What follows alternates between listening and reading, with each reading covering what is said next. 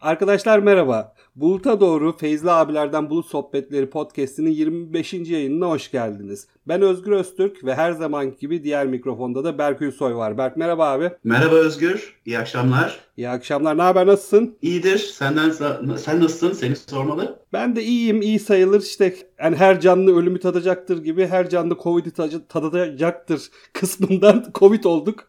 İki hafta yattık şimdi işte ancak kendime geliyorum. Yarın tekrar tekrar geçmiş olsun. Sa- sağ olasın. Neyse fazla uzatmayalım. Bu akşam yine bir konuğumuz var. Sanem Sever bizlerle birlikte. Merhaba Sanem, ne haber? Merhaba, Feyzli abla oluyorum ben. Evet, Feyzli abilerin yanında Feyzli ablamız da var bu akşam. Hoş geldin Sanem. Hoş, hoş geldin. Buldum. Hoş buldum Berk, hoş buldum Özgür. Nasılsın, keyifler nasıl? İyiyim, iyidir keyifler.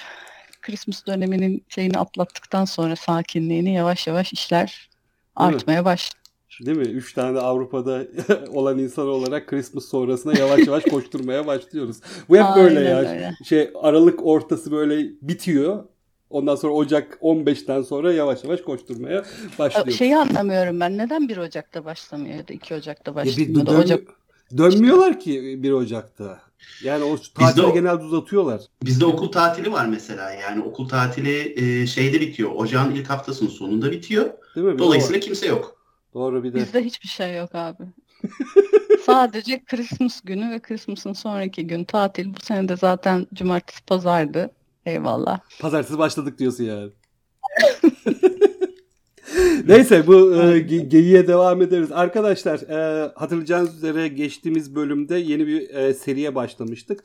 Cloud alanındaki meslekler üzerinden gidiyoruz. Bu meslekleri icra eden insanlarla beraber bu mesleklerin neler olduğunu, günlük, gündelik hayatta neler yap, yapıldığını ve benzeri konular üzerine sohbet ediyoruz. Geçen ilk bölümde daha doğrusu bu serinin ilk bölümünde sevgili Deniz bizimle birlikteydi ve DevOps Engineer ve SRE konusundan bahsetmiştik. Bu hafta da arkadaşlar bu bölümde de e, Sanem sağ olsun bizi kırmadı. Gecenin geç saatinde bizlere katıldı ve Cloud Solution Architect konusunu işleyeceğiz. Daha doğrusu Cloud Solution Architect rolünü işleyeceğiz ve ilginç şekilde yayında şu anda 3 tane Cloud Solution Architect var. Sanem Cloud Solution Architect, ben Cloud Solution Architect olarak çalışıyorum.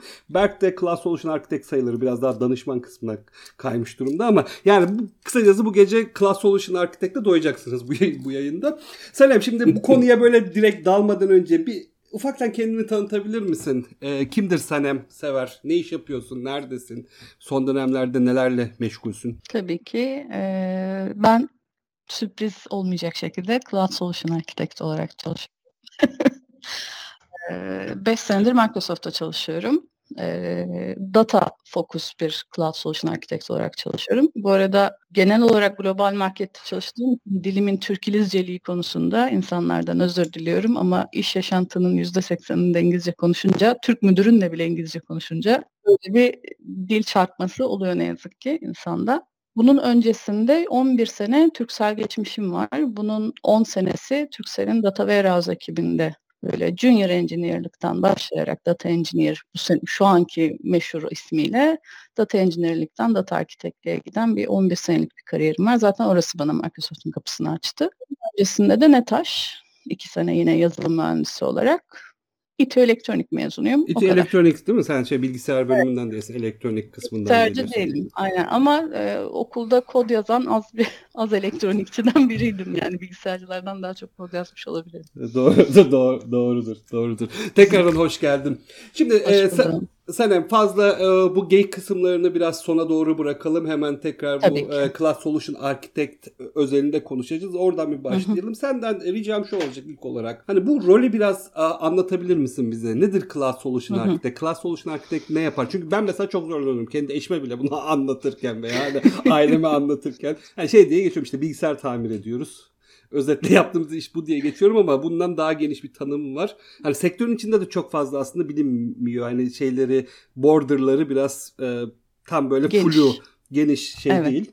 O yüzden bize bir kısaca bir farklı, Cloud Solution Architect'ten bir bahsedebilir misin? Tabii ki. Bir de farklı isimleri de var bu evet. arada. Mesela Microsoft'ta Cloud Solution Architect, rolü var ama örneğin Google'da Customer Engineer rolü Cloud Solution Architect ile işte daha hands-on bir rol arası değişiyor. Evet. Hani isimlendirmeleri farklı ama genel olarak bir bulut çözüm mimarı evet. Cloud Solution Architect nedir, ne yapar? Sizin bir probleminiz vardır, bir ürünün geliştirmek istiyorsunuzdur ya da hali hazırda on-prem böyle kurduğunuz serverlarda çalışan herhangi bir ortamda bir çiniz vardır. Bu işe Cloud Solution Architect bakar, kafanızdaki planına bakar ya da e, sizin hali hazırda kurulu sisteminize bakar ve der ki kardeşim sen bunu cloud'daki şu data servisine backend'inin datasını koysan, işte şu kısmı daha optimize etmek için bu kısmın datasını alıp şu diğer data servisine koysan. İşte çok monolitik çalışıyorsun. E, mikroservis mimarisine çevirsen bunu da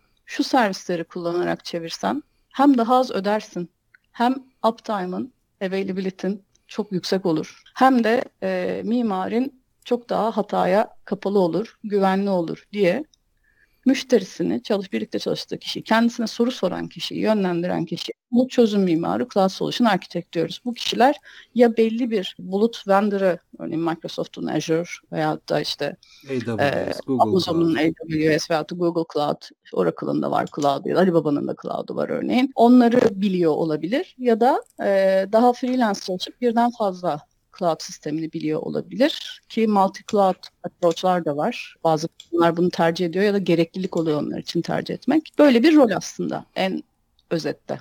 Yani şöyle e, ben anladığımı özetleyeyim. Hatta anladığımı özetleyeyim derken sonuçta ben de bu işte çalışıyorum. Ben kendi fikrimi, kendi fikrimi de söyleyeyim. ya Class Solution Architect'i tarif ederken biraz hani şey olarak tarif etmek daha doğru oluyor. Çünkü burada çok karışıklık çıkabiliyor. Şimdi Class Solution Architect bana göre direkt hands-on şu bir işi alıp hani cloud'un üzerine bir deployment yapılacaksa bunu alıp deploy eden adam değildir. Fakat o deployment'ın nasıl olacağını tarif eden, hangi servisin nerede kullanacağı bir nevi hani elimizde bir legolar gibi düşünelim. Bir sürü servis var, yüzlerce servis var. Bu servislerin de çeşitli kullanım yerleri var. Bu hangi yerde hangi lego bloğunu ne şekilde kullanabiliriz tarif eden bunu müşterisine aktaran insan. Çok özetle böyle söyleyebiliriz bana göre. Ona bir şey eklemek Buyur. isterim ben e, çok doğru bir tanım. Lego blokları Hı. hakikaten. O Lego bloklarını da birkaç açıdan aynı anda düşünebilmesi gerekiyor Solution Architect'in. Karşı tarafın bütçesi tabii, ve tabii, diğer tabii. temel kısıtları. Bir de naçizane benim fikrim Cloud Solution Architect bunu yapan kişi olmasa da günün sonunda bunu yapmayı yaptıran yapabilecek bir adam olmalı. Aa, tabii ya onu zaten tartışmaya bile gerek yok. Yani sonuçta hem onunu beceremeyen bir adamın onun architecture'ını çıkartabilmesi çok da mantıklı bir şey değil ama değil. demek istediğim o değil. Hani sonunda alıp hani o implementasyonu da yapabilir. Hatta yani field'da, alanda birçok class solution architect bu işin implementasyon tarafında da çalışıyor ama demek istediğim şuydu.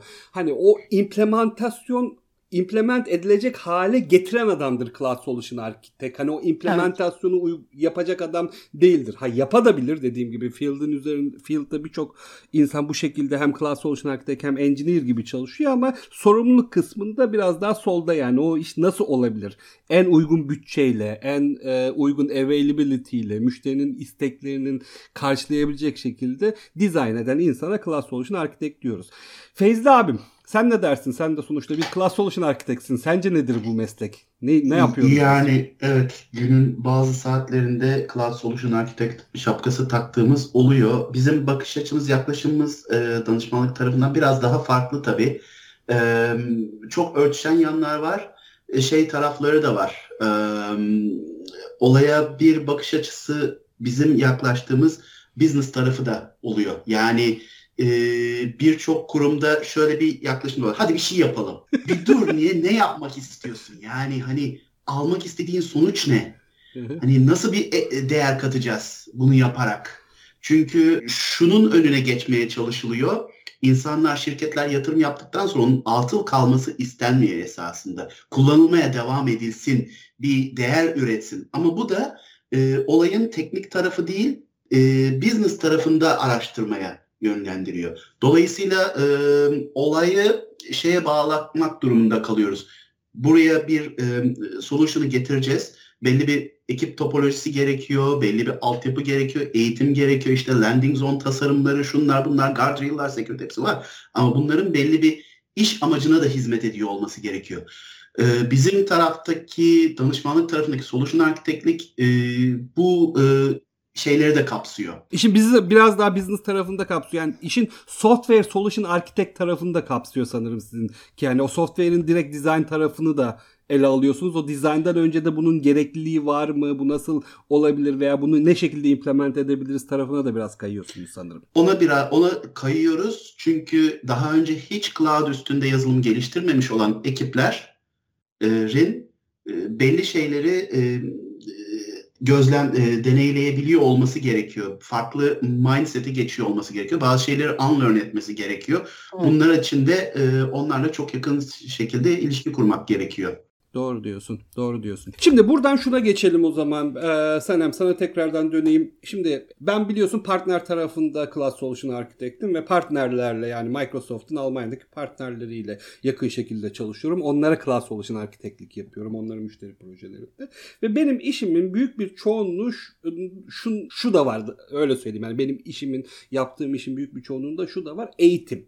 Ben bu partnerlerin direkt hani Cloud Solution Architect'lerini ya da Cloud Engineer'lerini eğitiyorum. Onlara işte workshoplar düzenliyorum ne bileyim işte eğitimler düzenliyorum vesaire. Ama bunda yalnız olmadığımı biliyorum. Bütün Cloud Solution Architect'lerin bir eğitim tarafı da var. Şimdi sana bunu sormak var. istiyorum. Ee, Cloud Solution Architecting biraz da aslında işin eğitmenlik tarafına da kayıyor mu? Senin gündelik yaşamında ne, bu alanla ilgili neler yap eğitim kısmıyla ilgili? Çalıştığın mesela Microsoft'ta da Amazon'da da bu böyle. Çalıştığın ekibin fokus alanıyla da ilgili bir Mesela Berk de bence danışmanlık tarafında eğitimde bolca veriyordur. Çünkü bir şeyi bir e, ekibe doğru şekilde kullandırmak oranın o insanların bu ürünü doğru bildiğinden emin olmaktan geçiyor. Ben de Microsoft kariyerime Partner Solution Architect olarak başladım.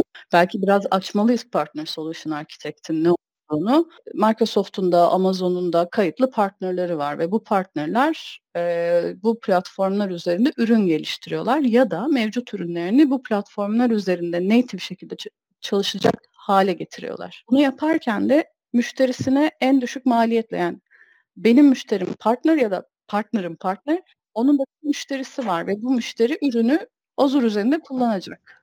En düşük maliyetle en güvenli şekilde kullanması lazım. Dolayısıyla en derin bilgiyi o ürün geliştirmeyi ya da dönüştürmeyi yapacak partner firmanın bilmesi gerekiyor. Burada eğitim şart ve neredeyse engineering'in bildiği kadar bazen bazı ürünlerin detaylı eğitimini bilmek şart. Öyle internetten bulunan level 100, level 200 eğitimlerle olmuyor böyle ürün geliştirme süreci.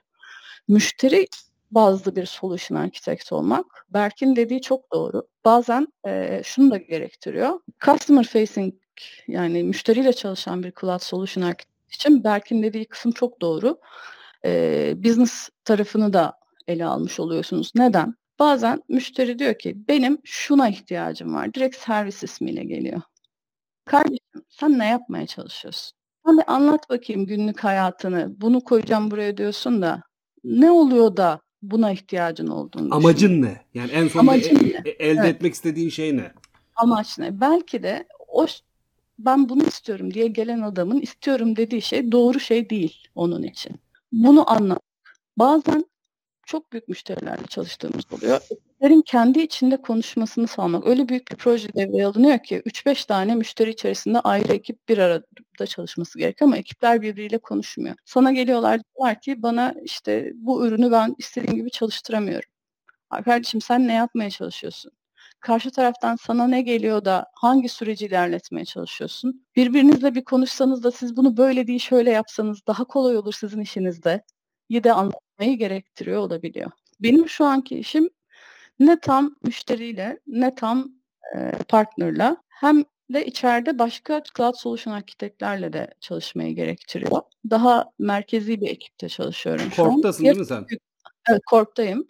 Ya çok büyük müşterilerle çalışıyoruz veyahut da e, müşterisiyle hiç kimsenin bilmediği, çözemediği bir sorun yaşayan ve çözemeyen bir cloud solution architect geliyor bize diyor ki kardeşim ben yandım, çözemiyorum, nasıl çözeceğiz? Ondan sonra biz yanmaya başlıyoruz.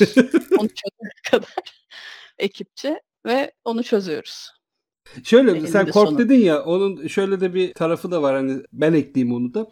Şimdi Cloud Solution Architect özellikle vendor tarafında çalışılıyorsa işte Microsoft, AWS'de vesaire şey de önemli. Şimdi engineering ekiplerinin sahadaki yüzü aslında Cloud Solution Architect bir taraftan evet. da. Yani bizim e, sürekli feedback gönderiyor olmamız gerekiyor engineering tarafında. Çünkü onlar hani tool'u yazıyorlar, devreye alıyorlar ama sonuçta onu implement eden bizleriz. Onunla müşteriyle o müşterinin kullan nasıl kullandığını gören bizleriz. Müşterinin onunla sorunları nasıl çözdüğünü gören bizleriz. Oradaki çıkan sorunları da bizim sürekli engineering'e geri bildirim yapmamız gerekiyor. O bakımdan da engineering'in aslında bir nevi uzantısı Class Solution Architect vendor tarafında. Çok yakın şekilde bağımızda oluyor. Şimdi buradan şuna da get buyur Berk. Ben bir şey şey yapacağım. Çok dikkatimi çekti. Çok güzel bir şey e, söyledi Sanem. E, şeyle ilgili bazen ekipler birbirleriyle konuşmuyor diye. E, benim gördüğüm Cloud Solution Architect'lerin bir diğer kattığı nokta da bu birbiriyle konuşmayan organizasyonları, ekipleri belli bir amaç doğrultusunda bir araya getiren kişi olmak. Evet. Ee, bir sürü ekip sadece kendi 8 saatlik süresi içerisinde hapsolup çalışabiliyor. Hiçbir şeyle ilgilenmeden şey yapan. Birisinin onları o bubble'dan çıkartıp bakın arkadaşlar böyle bir şey yapmaya çalışıyoruz deyip aynı masaya alması gerekiyor. Bu bu noktaları birleştiriyor olması gerekiyor. Orada çok güzel bir şey söyledi gerçekten. Ya yani bir nevi şeyiz biz. E, büyük resim görücü. Onu söyleyecektim. Hatta şey diyecektim son dönemin moda tabiriyle büyük resmi görün. evet.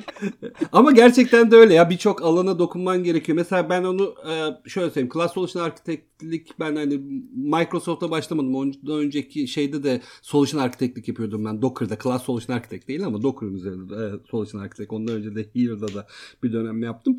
Şunu gördüm. Solution Architect'likte çalıştığın zaman aslında e, çok kilit bir roldesin. Şöyle kilit bir roldesin. Yani Junior Engineer'la da muhatap olman gerekiyor. CTO'yla da muhatap olman gerekiyor. Herkesin hani nabzına göre şerbet vermen gerekebiliyor. Çünkü o önerdiğin şeyi sonuçta biz bir çözüm öneriyoruz yani bu işi böyle yapabilirsin diye. Bunun business tarafını işte C-level'a anlatman gerekiyor. Onları ikna etmen gerekiyor.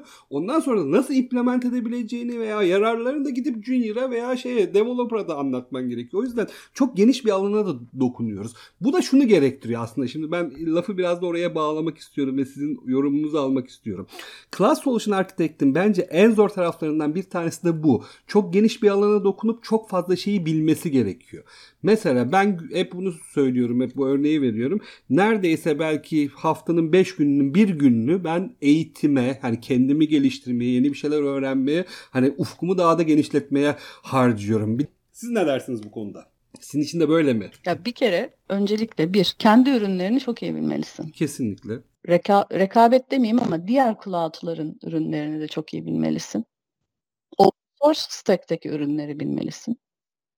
Open source olmayan on-prem stack'teki ürünleri bilmelisin. Bu ürünlerin her birinin eğer özelleşen bir cloud solution architectsen ona da girmek lazım. Çünkü bu çok geniş bir scope olduğu için sen artık böyle her şeyi bilen bir aga olarak dolaşamıyorsun. Kimse de yemez zaten. Çünkü kimse her şeyi bilemez. Onu iddia eden biri varsa yalan söylüyordur. Data ya özelleşmiş. Hatta bunun alt kırımın, kırılımında data, AI ve IoT'ye özelleşmiş arkitekler de var. App Development tarafında özelleşmiş. Infrastructure tarafında özelleşmiş. Security tarafında özelleşmiş. Identity Management tarafında özelleşmiş. Bu bazen security ile merge olabiliyor. Cloud Solution Architect'ler var. Ve bunların her biri kendi alanlarındaki ürünlerin hem on-prem commercial alternatiflerini, open source alternatiflerini, diğer cloud'daki alternatiflerini hem de kendi ürünlerini bilmeli ve bunun detay implementasyonuna kadar kendi ürününü zaten çok iyi bilmeli. Ya tabii kendi ürününde bir kere derinleşiyorsun. O zaten kesin. Mesela senin dediğin gibi sen de, e, data üzerinde e, uzmanlaşmış durumdasın. Ben Cloud Native Application Development üzerinde uzmanlaşmış durumdayım. Berk'in biraz daha implementasyon tarafında hem infrastructure var hem e, Cloud Native Application Development tarafı var. Bir, zaten uzmanı olduğumuz alanın derinlemesine bilmen gerekiyor ama onun dışında da işte az önce Berk de söyledi ya hani gidip adamın adamla business'ta konuşman gerekebiliyor anladın mı? Orayı da bilmen gerekiyor. Yani derinlemesine bilemiyorsun ama en azından orada neler olduğunu veya orayı yönlendirebilecek kadar bilmen gerekiyor. Mesela ben e, datacı değilim ama data alanında neler olduğunu bilmem gerekiyor. Çünkü benim implement ettiğim ürün bir şekilde oraya dokunabilir. Ha implementasyonda ben sonra sana geliyorum. Sanem diyorum ki hani Sanem bana bu konuda yardım et. E, çünkü uzmanı olan sensin. Ama oraya gelebilmek için bile benim orada ne ürün olduğunu bilmem gerekiyor. O ürünün ne neyi çözebiliyor olduğumu bilmem gerekiyor. O yüzden de çok Bana bir... soracağını akıl edebilmen gerekiyor. Sana soracağımı akıl edebilmem gerekiyor. Kesinlikle Aynen. doğru doğru söylüyorsun. Hani kimden destek alabilirim? Kimin işidir? Bunu kim çözebilir? Bunu bilmem bilmek gerekiyor. Doğru diyorsun yani. Aslında bir network işi bir yandan. Bak çok onu da çok güzel söyledin. Network biz yani ben işe girdiğimden beri en fazla zamanımı belki de network oluşturmakla harcıyorum. Çünkü hani şey oluyor ya bazen bana soru geliyor. Şimdi ben o soruyu kendim cevaplayamayabiliyor olsam benden müşterinin beklentisi o soruyu çözebileceğim adamı bulmak. Şimdi ne yapıyoruz? Evet. Gidiyoruz mecburen işte ona soruyorsun, ondan ona soruyorsun. Bu adam kimdir diye bulmaya çalışıyorsun. Onunla muhabbet kuruyorsun, ondan cevabı alıyorsun vesaire. Genişletiyorsun. Sürekli bir network kısmı da var. Şimdi sana bir tane daha soru sorarak biraz daha e, muhabbeti senin uzmanlığın tarafına hı hı. kaydırmak istiyorum. Sen şimdi söylediğin gibi data üzerinde Class Solution Architect'li evet. yapıyorsun. Şimdi bundan biraz bahsedebilir misin? Nedir yani senin gündelik olarak yaptığın şey nedir? Hani bu data alanında Class Solution Architect olmak ne demek? Hangi ürünlerle uğraşıyorsun veya ne tarz implementasyonlarla uğraşıyorsun? Şimdi data çok geniş bir alan. Yani zaten hangi konuya girsek bu çok geniş bir alan diye giriyoruz. daralıyoruz, daralıyoruz, daralamıyoruz. Şimdi data içinde birçok şeyi kapsıyor. Raporlamayı kapsıyor. O raporun oluşabilmesi için gelen ham datayı big data üzerinde işlemeyi ya da database'ler üzerinde işlemeyi. O database'de bunu en verimli nasıl saklayacaksın? Mesela büyük oranda hızlı transactional data geliyorsa bunu hangi sistemde saklamalısın? Bunu nasıl bir formatta saklamalısın? Bunu bilmeyi. Bunu nasıl işlemelisin? Bu datayı işlemeyi sağlayan ürünleri bilmelisin. Real time'da ee, nasıl işleyeceksin? Storage'da nasıl saklayacaksın? Aynen. Batch olarak nasıl işleyeceksin? Görsellemesi yapılan ürünler nasıl çalışıyor? Bunu nasıl entegre edeceksin? Nasıl görselleyeceksin? İşte Python bileceksin mesela. Spark bileceksin. R belki bileceksin çünkü bir firma gelir sadece R'la çalışıyordur. Ee, ondan sonra işte Power BI bizim ürünümüz onu bileceksin ama Tableau ne yapar onu da bileceksin. İşte MicroStrategy ne yapar onu Excel bileceksin. bileceksin. Excel zaten bileceksin abi. Excel'i, Excel'i bilmemen gereken bir meslek yok bence. Yani, yani. 18 yaşında geçtin mi Excel'i öğreneceksin ya. evet. E, bunun yanında database'leri, database teknolojilerini, o database'lerin nasıl sorgulanması gerektiğini, kendi query dillerini bileceksin. E, varsa o database'lerin bir e, scripting dili, onları bileceksin. Yaygın olanların en azından. SQL bileceksin mesela. SQL bilmeyen adam data solution architect olmamalı. Yani. Öğrensin ya da bilmiyorsa da. Ee, SQL bilmeyen herhangi bir bilgisayarla uğraşan insan olmamalı da neyse konumuz o değil. Olabilir SQL bilmeyen. Ya temel SQL'de bilinmesi gerekiyor ya bence. Evet. Yani temel ama, bir SQL ama sorgusunu. SQL kesinlikle yani, kes, yani. yani. Başka ne bilmen lazım? Database'lerin çalışma mekanizmalarını bilmen lazım. Bir data warehousing veri ambarı konusunda en azından bir ETL nedir, nasıl yapılır, engineering ya da şu anki e, modern ismiyle bilmen lazım. Ve şu anki yine modern ismiyle data science en azından uçtan uca bu data science'ın deployment süreci ne olmalı? Veya konuda ne tarz bir altyapıya ihtiyaç var, datanın nasıl saklanmasına ihtiyaç var, bunun operasyonlaştırması nasıl yapılmalı bunları bilmen lazım. Bunun yanında başka ne olabilir? Ya bunların hepsini bilmen lazım bir kere. Yani ki o, o, ya bir an o, ama yanında başka ne olabilir?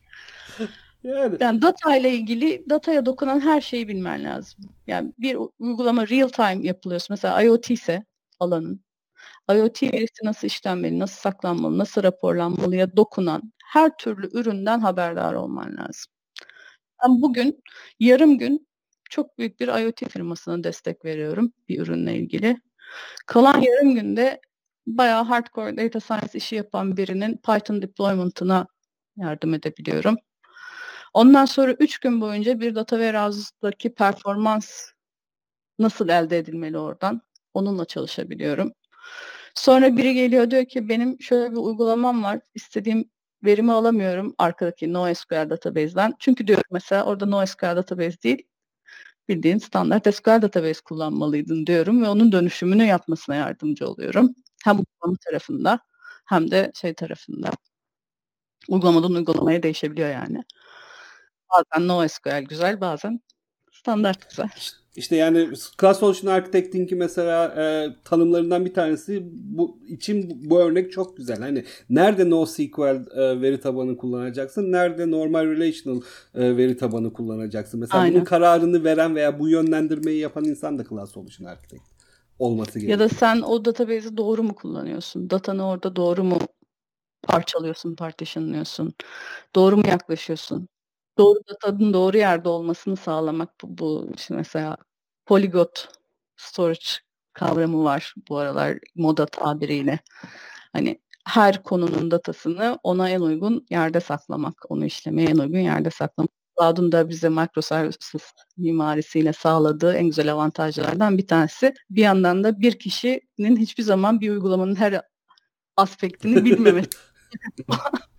Rapor çekerken eziyet olmasına neden olması. Abi kimse aç kalmasın diye uyduruyoruz biz bunları. Herkese iş. Herkese iş çıksın evet. doğru, doğru diyorsun. Bak şimdi burada söylediğin e, bir şey benim bir sonraki sorumu aklıma getirdi ama bu soruyu öncelikle Berke sor, sormak istiyorum. Sen dedin ya şimdi yarım gün şu firmayla çalışıyorum, yarın gün bir başka firmayla çalışıyorum. İşte bir gün içinde bir sürü content switching yapıyorsun yani bir, bir işle başlıyorsun, bir başka işle başlıyorsun. Bu işin kralı da Berk. Çünkü Berk şu anda aslında bir Microsoft partnerinde çalışıyor ve benim bildiğim kadarıyla da hafta ya haftada en azından 40 tane ayrı firmayla ayrı iş yapıyor. Şimdi eğer direkt bir müşteriye dedike bir cloud solution architect değilsen de işte konsultansan ya da hani bir belirli bir e, ürüne özel bir cloud solution architectsen de bu iş böyle. Belki seni bu kısmı zorluyor mu cloud solution architecting'in? Sürekli gün içerisinde bir firmayla başlamak sonra başkasıyla devam etmek, birçok işi aynı anda yürütmeye çalışmak. Yoksa eğleniyor musun? Yani zor olan tarafları var çünkü tamamen bambaşka bir şeye geçmek gerekiyor bir anda. Ve danışmanlık tarafında tabii şu da var. Saatler önceden anlaşılıyor da. yani şu kadar saat şu, bu kadar saat bu. Ve bu planlama her zaman gerçek hayata uymayabiliyor yaşanan şeylerden ötürü. Dolayısıyla bundan dolayı çıkan zorluklar olabiliyor. Ama farklı problemlerle, farklı müşterilerle uğraşmak eğlenceli bir şey esasında. Yani bir tam sormak hani, istediğim de bu yani. Evet. Tek bir dedike olmaktansa birden fazla e, şeyle uğraşmak hoşuna gidiyor mu? E, şüphesiz çünkü e, yani farklı problem, farklı eğlence esasında, farklı durum, farklı insanlar, farklı ekipler. Biz tabii danışmanlık tarafında benim çalıştığım şirketin 5 büyük ortağı var esasında premium partner seviyesinde Microsoft, Amazon, Google, Salesforce ve ServiceNow hepsiyle premium partner. E, dolayısıyla hepsiyle e, çok yakın ilişkilerimiz var. Bunun da artısı oluyor tabii. Yani e, bir açıdan bakınca hepsiyle birlikte çalışıyoruz. Sen vendor tarafında da farklı e, farklı farklı firmalarla çalışıyorsun. Anladın Evet. Seninki evet. tamamen karışık. O zaman senden bir çıkalım. Seninki tamamen karışık. olmaz. ben Sanem'e döneyim tekrar. Sanem sen ne düşünüyorsun? Senin için nedir? Seni zorluyor mu ya da bundan zevk alıyor musun? Mesela ben cevap vereyim. Ben kendi adıma söyleyeyim. Beni son dönemlerde bu çok zorlamaya başladı. O yüzden biraz da aslında altını kazıyorum. Çünkü yani ben partnerlerle çalışıyorum ya birden fazla proje oluyor birden fazla proje sabah biriyle başlıyorsun öğlen biriyle devam ediyorsun akşam biriyle toplantı toplantı toplantı artık benim biraz kafam yavaştan şişmeye başladı. Sende nedir durum? Yani bu biraz Covid'in de getirdiği bir şey bence bu arada. Çünkü toplantılar arasında e, bir yerden bir yere gitme süresi diye bir şey kalmadığı için hemen bir dakikada kontekst değiştirip yeni toplantıya atlamak gerekiyor. Yani ben artık çok zorlanmıyorum. Ama yeni işimde biraz daha az zıplıyorum böyle konudan konuya. Daha fazla e, bir şeyleri hazırlanma sürem oluyor. Ama e, partner tarafında çalışırken benim de zorlandığım şeylerden bir tanesiydi. Çünkü en başta söylediğim gibi partnerle çalışırken o partnerin ekmeği senin elinde. O adama doğru şeyi öğretmek, doğru bilgi vermek. Sen yanlış bir bilgi verirsen ve partner de bunu o yanlış bilgiyle kullanıp implemente ederse adamın ekmeğinden edersin. İşin biraz bir de bence vicdan tarafı var. Dolayısıyla çok iyi bildiğinden emin olup hem de o kadar kısa zamanda sürekli konteks değiştirmek gerçekten zor. Özel zamanından verip ben çok yani gecelerine kadar belli konuları araştırdım, implement edip işte detayına baktım, işte hata çıkıp çözemediğim, en son kendim support'a ticket açtığım, support'un bile zor çözdüğü bazen durumlar oldu. Öyle bir kompleks bir yine mimari gelmiş ki ortaya. 40 yılda bir olabilecek bir sorun oluşmuş örneğin. Bunu çözüyorsun, uğraşıyorsun, yapıyorsun ve buna bir çözüm oluşturuyorsun artık müşterinin case'inde. O yüzden e, o atlamalar, sıçramalar evet biraz yorucu ama bu işin de en güzel tarafı da bir yandan o. Çünkü o kadar çok şey öğreniyorsun ki bu değişik işlere bakarak. Yani Aa, bir orası öyle, orası öyle kesinlikle. firmasındaki kişi veyahut da müşterideki kişi sadece kendi ürününü biliyor olabilir. Sen en tane partların ne yaptığını biliyorsun. Her birinin bir ürünü nasıl farklı şekillerde kullanabildiğini biliyorsun ve bu e, insanın vizyonunu inanılmaz açan bir şey. Hele ki müşteriden sen kendin çıktıktan sonra ben Turkcell'de 11 sene çalıştım ve data warehouse konusunda çalıştım. Data warehouse nedir? Ne yapılmalıdır? Gayet iyi bilen bir insanım. Ama ben bunu biliyordum. Microsoft'a gelince bu işin yanına bin tane başka konu da ekleme şansım oldu. Bilgi Tabii birikimi vizyonunu acayip genişletiyor bu iş. Yani Microsoft'ta çalışmasan bile yani nerede çalışırsan çalış. Cloud Solution Architect olarak çalıştığın zaman tek bir firmada bile çalışsan o kadar fazla alana dokunman gerekiyor ki. Yani bir de network kısmından da bahsettik ya. O kadar fazla insanla muhatap olman gerekiyor ki bu bir vizyonunu genişletiyor. Senin bildiğin bilgi seviyeni yükseltiyor ve bu bir şey gibi oluyor. Maraton gibi artık buna da alışıyorsun. Yani sürekli ben buradan en hızlı şekilde bilgiyi nasıl kaparım? Benim buradan en hızlı şekilde bu sonucu nasıl alırım gibi pratikler de oluşturma oluşturmaya evet, nasıl prototiplerim hemen. Evet nasıl örneğin. prototiplerim hemen nasıl hemen bunu sunabilirim. Bir de o kısmı da var mesela şimdi şey de var. Yani az önce de dedim ya CTO ile de konuşuyorsun Junior ile de konuşuyorsun. Senin o oluşturduğun çözümü herkesin anlayabileceği seviyede sunabilmen de gerekiyor. Mesela bu da seni şey alanında da genişlet et, nasıl söyleyeyim bu yetenekleri de sana katıyor. Mesela benim ben biliyorsun önceden de eğitmenlik yaptım. Hani bilgi adamda yaklaşık bir iki, iki buçuk sene. Onun dışında da hayatım boyunca hep eğitmenlik vesaire işlerim oldu ama ne zaman Cloud Solution Architect olarak çalışmaya başladım oradan aldığım şeylerle bu mesela benim eğitim tarafıma da çok fazla katkı sağladı. Çünkü nasıl sunabileceğimi biliyorum, nasıl ayarlayabileceğimi biliyorum, level ayarlamaları vesaire onu hemen nasıl pratiğe dökebileceğini öğreniyorsun vesaire. O konularda dediğin gibi çok faydaları oluyor ama bir yandan da beni dediğim gibi son dönemlerde bu bayağı bir zorlamaya başladı ama bunun belki de Covid'in de mutlaka etkisi var. Bence Covid'in COVID, COVID çok büyük etkisi var. COVID Bu arada şey... dediğin bir şey var ve bence bu çok önemli. Ee, dedin yani bu işi yapabilen insan olduğunu karşı tarafında bilmesi gerekiyor. Bu Cloud Solution Architect rolü için o kadar önemli ki karşı taraf senin bahsettiğin şeyin ne olduğunu bildiğini anlamalı. Bunu beden dilinden, bunu bundan bahsediş şeklinden, bunu onun problemini anlayış şeklinden anlamalı. Yani bu biraz iletişim de gerektiren bir şey. Yani, biraz değil çok gerektiriyor canım yani iletişim yetenekleri aynen. çok çok çok e, önemli çok bu önemli. yönde. Ben senin ayakkabında bulundum. Ben senin ayakkabılarına yürüdüm. Of çok pis Türk izci oldu bu yalnız ama. ya sana hiç sıkıntı değil. Bak sen şimdi sadece İngilizce ile muhatap oluyorsun. Bir de bir de bizim evet. düşün. Şimdi ben mesela ben bazen cümleye Türkçe başlayıp ortaya Almanca kelimeler sıkıp sonunda İngilizce ile falan bitiriyor. Böyle saçma evet. şeyler. O... İngilizce ilk öğrendiğimde ben de öyle yapıyordum. Sonra da Al- Alman aksanı ile İngilizce konuşup Almanca konuştum zannettim. öyle oluyor. Yani o yüzden çok sıkı, sıkıntı değil. İngilizce şey. Yani e, karşı tarafında derdini dinlediğinin sana derdini çözebileceğini, güvenini vermen lazım. Bu mesela belki bu muhabbette çok gir, girsek mi bilmem ama mesela ben bir kadın olarak bu işi yapıyorum ve sektör erkek egemen bir sektör.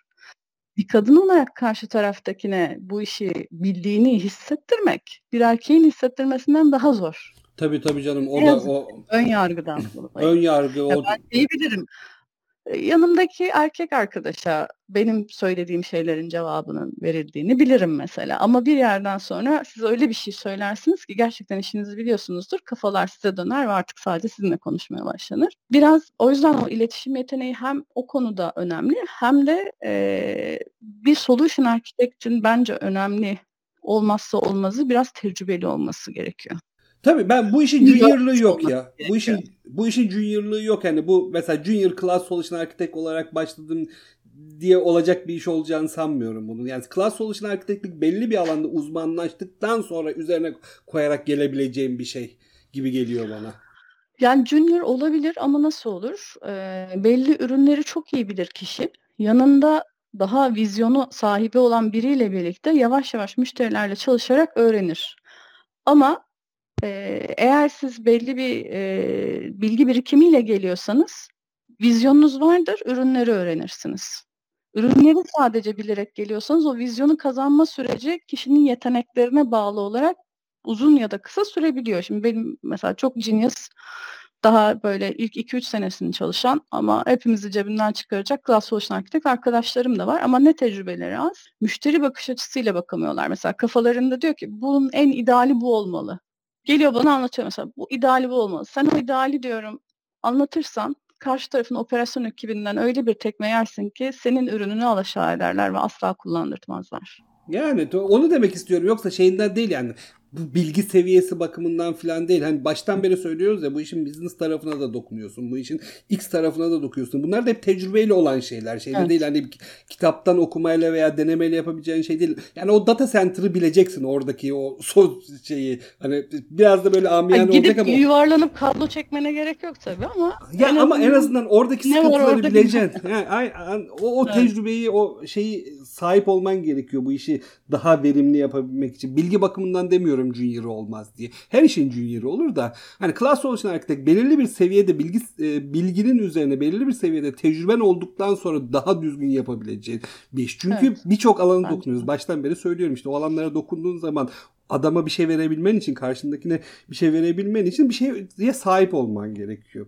Onun dışında da o az önce söylediğin noktaya da tekrardan bir değinmek istiyorum. Hani gerçekten maalesef e, IT diğer birçok sektöre göre daha hani liberal bir ortam olmasına rağmen senin söylediğin sıkıntılar maalesef hala yaşadığımız şeyler. Yani bir kadın olarak bir özellikle teknik bir alanda bir söz söylerken karşı taraftakinin bunu hiç e, dikkate almadığı durumları biz defalarca yaşadık. Bunu hani sen de az önce söyledin hani senin söylediğinin aynısını yanındaki bir erkek söylediği zaman ona e, hak veriyorlar. Senin söylediğin Benim başım kel mi diyorsun? Yani, Değil. Saçın yani. yani. hiç e, söylenmemiş gibi davranılıyor veya az önce söylediğin gibi hani sen bir şey söylüyorsun cevabı yanındaki diğer erkeğe veriyorlar falan. Maalesef hala bunlar da yaşanıyor ama gene en azından şöyle söyleyeyim IT sektörü diğer bir birçok sektöre göre daha liberal, daha e, az yaşanıyordur diye tahmin ediyorum. Ya ben Ama bu konuda bu bir şey söylemek değil. istiyorum. Ee, çok ilginçtir. Ben mesela partner tarafında çalışırken Suudi Arabistan'a da gittim, İsrail'e de gittim. Güney Afrika'ya da gittim. Buralarda partnerlerle çalıştım, eğitimler verdim. Ee, Avrupa'da da eğitimler verdim. Amerika'da da. En bağnaz yaklaşımla kadın olduğum için ilginç bir biçimde Avrupa'nın bazı ülkelerinde ve en çok Amerika'da karşılaştım. En böyle ağzımdan çıkan her kelimeye bekleyen yerde ilginç bir biçimde Suudi Arabistan'dı. Çünkü o kadar az belki de gerçekten eğitim vermeye insan geliyordu o dönemde. Sadece contentle ilgileniyorlardı ve benim cinsiyetimin hiçbir önemi benim o sırada burka gibi bir şey giyerek derdimi anlatmaya çalışıyor olup pişme, pişiyor olmam dışında. ders anlatabilmek için. Ee, o çok ilginç bir tecrübeydi mesela. Evet. Türkiye'de de nispeten karşılaştığım oldu o tarz davranışlarla. Ama ilginç bir biçimde Amerika'da ve Türkiye'ye göre bu konuda insanlar. Özellikle Amerika'da çok daha bağnazlar. Evet Amerika çok çok daha bağnaz. Ben de onu e, en azından kendi tecrübemle söyleyebilirim. Ama ya özetle şunu söyleyeyim. Hani bunlar e, bazen bunların çok çözüldüğünü sanıyoruz. Bazen bunlar hani yaşanmıyor sanıyoruz ama hani biz Yaşanıyor. Gör, ya, yaşanıyor yani bunlar oluyor. O yüzden çok fazla da aslında benim bir şey söylememe gerek yok. Sonuçta ben bir erkeğim bunları ben yaşamıyorum. Siz, siz yaşıyorsunuz ama bunları biliyoruz. Ben şundan dolayı söylüyorum. Ya bir geçen bir tane e, bir dallamayla konuşuyoruz. Bu konu hakkında değil de başka bir konu hakkında işte bir iş başvurusuyla ilgili bir şey söylüyor. İşte o gene klişelere geldi. Hani evlen şey evlenirse ne olacak, çocuk doğurursa ne, ne olacak falan filan. Hani orada bana tekrardan şey geldi. Hani ben onları mesela kendim kafamdan çözmüş şeyler. Benim hiç kafamda olmayan şeyler. Sanıyorum ki herkes böyle ama değil. Hala bu dallamalar hala bu sektörün içerisinde var. Hala bu tarz insanlarla muhatap oluyoruz ve çok fazla da sıkıntı çıkartabiliyorlar. İnşallah e, hayat bize böyle insanları karşılaştırmaz. Daha kafası düzgün insanlarla muhatap oluruz iş yaşamımızın içerisinde. Var mı eklemek İnşallah. istediğin bir şey bu konuyla ilgili? Sektörde kadın olma kısmıyla. Evet sektörde kadın olma kısmıyla ilgili. Bence güzel de bir şey. Çünkü biz kadınlar biraz daha geniş açıdan bakabiliyoruz konulara. Hı hı. E, en e, can sıkıcı tarafı bazen sadece şu olabiliyor. İşte ekibin anası olmak zorunda kalabiliyorsun. Kadından ekip. İşte bazen anası bazen kız kardeşi. Bazen wing woman'ı olmak zorunda kalabiliyorsun.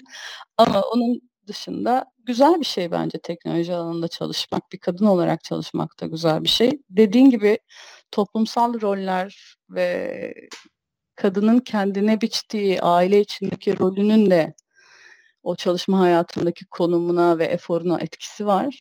Ama keşke sadece kadının kendine biçtiği rolün ve kendini gördüğü yerin buna etkisi olsa da toplum buna böyle bakmasa, şirketlerdeki insanlar buna böyle bakmasa. Ben Microsoft'ta ol, olduğum için çok şanslı olduğumu düşünüyorum. Bu konuda daha önce kötü tecrübelerim oldu farklı firmalarda açıkçası. Yani o, e, bu, bu podcast'te biz sık sık Microsoft övüyoruz biliyorsun. Hani bu da bununla ilgili bir alandır. O, onu sen bunu söylemişken Abi bildiğim ben... bu ben bunu öveceğim. Başka neyi öveyim? ben sen bunu eklemişken ben de bir şey ekleyeyim gene şey olarak da bu e, başka bir konuyla ilgili ben de Microsoft öveyim. Bir dediğin gibi diversity'ye çok önem veren bir firma o konuda gerçekten şahslıyız. Hani her türlü imkanı sağlıyorlar ve geniş biçimde kadınlara e, destek olmaya çalışıyorlar. Yani kadın da değil sadece her türlü azınlığı bir şekilde e, destek olmaya çalışıyorlar ama ben başka bir şeyinden de bahsedeyim Microsoft'un. Şimdi dedi ki Cloud Solution Architect e, sürekli yeni bir şeyler öğrenmesi gerekiyor. Sürekli bilgi genişletmesi evet. gerekiyor. Microsoft'un şöyle bir avantajı oluyor. Birçok başka firmada görmediğim şeylerden bir tanesi. Microsoft kendine yatırımı iş saatleri içerisinde yapmana izin veriyor. Yani normal iş haftada 40 saat çalışıyorsan bunun içerisinden kendine yatırım yapacak zamanı ayırmana izin veriyor. Hani gidip akşam çalışmana, kendini geliştirmek için ekstra özel hayatından zaman harcamana gerek kalmıyor. O bakımdan da hazır Microsoft övüyorken firmayı övelim yani. o bakımdan iyiyiz. Berk Bey, var mı eklemek istediğiniz bir şey bu konuyla ilgili veya genel olarak? Güzel bir muhabbet oldu gerçekten. Ee, hiç dokunma fırsatı bulmadığımız şeylere dokunma e, fırsatı bulmuş olduk. ben de böylece e, abuk bir cümle kurmuş oldum. İngilizce'de yaşaya yaşaya. Böyle şey üzerinde gidiyoruz. Çok fena linç yenecek bir sürü cümle söyledik. Ya ama canım linçten korksak şey olmayız ya. Ben ben o konuda katmerliyim. Twitter üzerinde 24 saat bir şeyler paylaştığım için ben artık linç konusunda çok şey değilim. Ama zaten hani linç edilecek ne dedik ya biz bir şey de demedik. Neyse. Yok Türk İngilizcesi gene o yüzden dedim sadece. Ha, Türk onu geç ya ondan artık. Onu artık insanlar alıştı. Yani Neyse. şey de var burada çalışırken de insanlar e, dilleri çok karıştırıyor esasında. Yani bir bir Flamanla Flaman İngilizcesi gibi konuşuyorsun yani teknoloji olunca. Bazı şeyleri konuşurken hani dili de biliyorum ama İngilizceye dönüyoruz. Daha rahat geldiği için. Soruyorum hani bunu Flamanca'da nasıl derdin? Bakıyor suratıma böyle. Bilmem diyor. Boş ver salla ya diyor. Yani bir e, ana dilin içerisinde İngilizce girmesi birçok dilde çok şey oldu artık. Ee, evet. Özellikle teknoloji alanında çok kanıksandı. Ya teknoloji alanında olmasa bile abi artık yurt dışında yaşıyoruz. Ya. Üçümüz de mecburen yani gündelik hayatımızın belki de %50'den fazlası başka bir dil üzerinde geçiyor ya. Hani bu Türkçeyi bu podcast'te konuşuyoruz. Ne bileyim ev, evde eşimizle konuşuyoruz. Geri kalan her türlü ortamda ya İngilizce konuşuyoruz ya da oranın yerel dilini konuşuyoruz. Artık belirli bir zaman sonra karışıyor yani. Bu şey içindeyken ya İngilizce zaten ne hava atması olacak ki ben İngilizce kelime sıkıştırayım Türkçe kelimenin arasına yani ne olabilir? Konuşmayı beceremiyorum. e, konuşmayı beceremiyorum ben bu şey bu iyi bir şey değil hatta. Kötü bir şey de işte beceremiyoruz. Ne yapalım yani? Beynimiz bu kadarına izin veriyor. Ya Neyse. şeyi söylemek istiyorum ben. Buyur. Berk'in dediği çok doğru bir yerde. Mesela ben Türkiye'deyken de dokümantasyon açıyorum. Türkiye'den bağlandığım için direkt işte TR olan link geliyor. Türk anlamıyorum. Bir keresinde bu bizim machine learning ürünlerinden bir tanesi hasbel kadar interface bana Türkçe geldi. Ne yapacağımı şaşırdım. Nereye tıklayacağımı şaşırdım yani nereden bunu buldu da benim Türkçe'ye çevirdi. O settingi bulup da İngilizce'ye çevirene kadar anam ağladı resmen.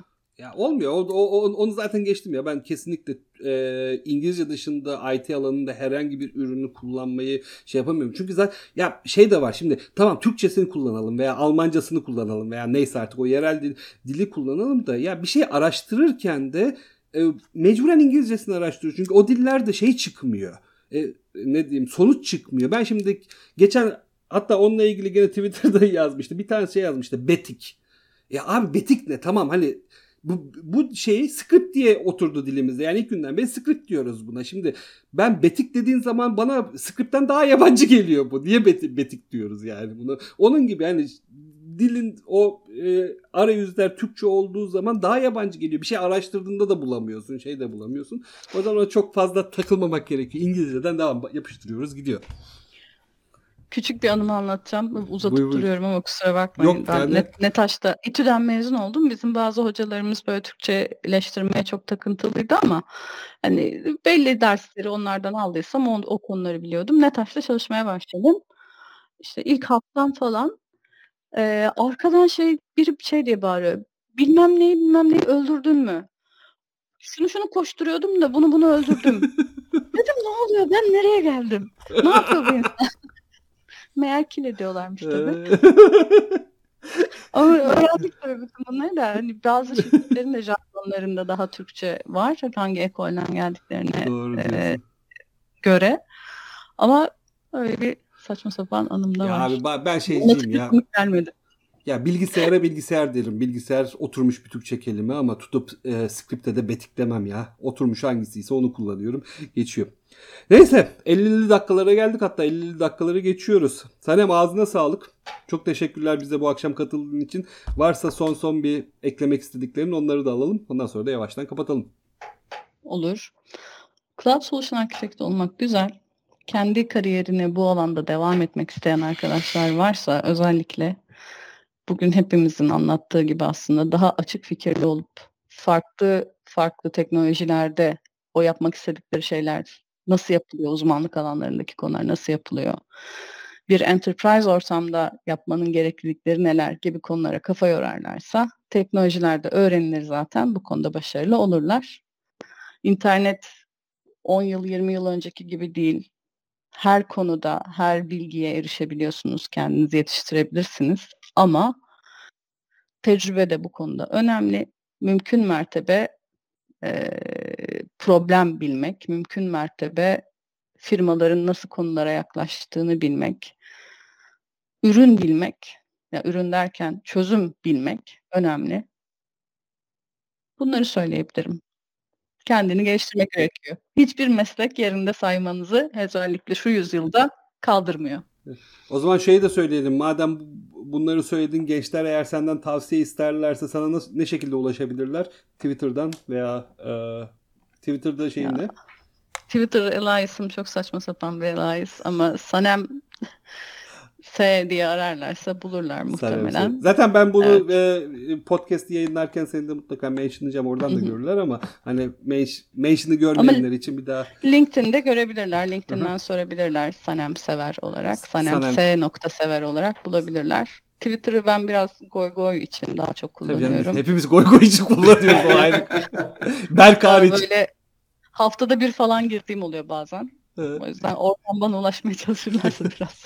Tabii. LinkedIn'den Salem S. Sever diye aratırlarsa bulabilirler. Twitter'da goygoycuyuz Berk hariç. Berk'i biliyorsun değil mi? Mesela saat öğlen 2'de mesela şeyle Agile ile ilgili 3 sayfa tweet atır. Ondan sonra bir hafta yok. Ondan sonra bir hafta bir daha gelir böyle şeyle ilgili Java ile ilgili bir şey yazıyor. Sonra bir hafta gene yok. Benim öyle bir sabrım yok abi. Tebrik ediyorum. Ya, ya, yapana yapana saygı duyuyorum. Benim öyle bir sabrım yok. Feyzli abim senin de eklemek istediklerin var mı? Valla bu kadar didaktik göründüğümü bilmiyordum. Twitter'da. Biz goy goy senle WhatsApp'ta yapıyoruz. O yüzden şey yapmıyorsun sen Twitter'da. Didaktik görünmüyorsun. Ya şimdi yayındayım. Ee, çok teşekkürler Sanem. Gerçekten harika bir muhabbet oldu. Ee, benim ekleyecek bir şeyim yok. Ekleyeceğim ben bir şey teşekkür yoksa... ederim. O zaman yavaştan kapatalım. Sanem tekrardan ağzına sağlık. Berk senin de. Evet Çok arkadaşlar 25. bölümünde sonuna geldik. Bu hafta Sanem'le beraber, Sanem Sever'le beraber Class Solution Architect rolünü ve o rolün getirdiklerini, o rolle ilgili bilgileri edindik. Bir sonraki bölümde bir başka konuyla görüşmek üzere şimdilik. Hoşçakalın. Hoşçakalın. Hoşçakalın.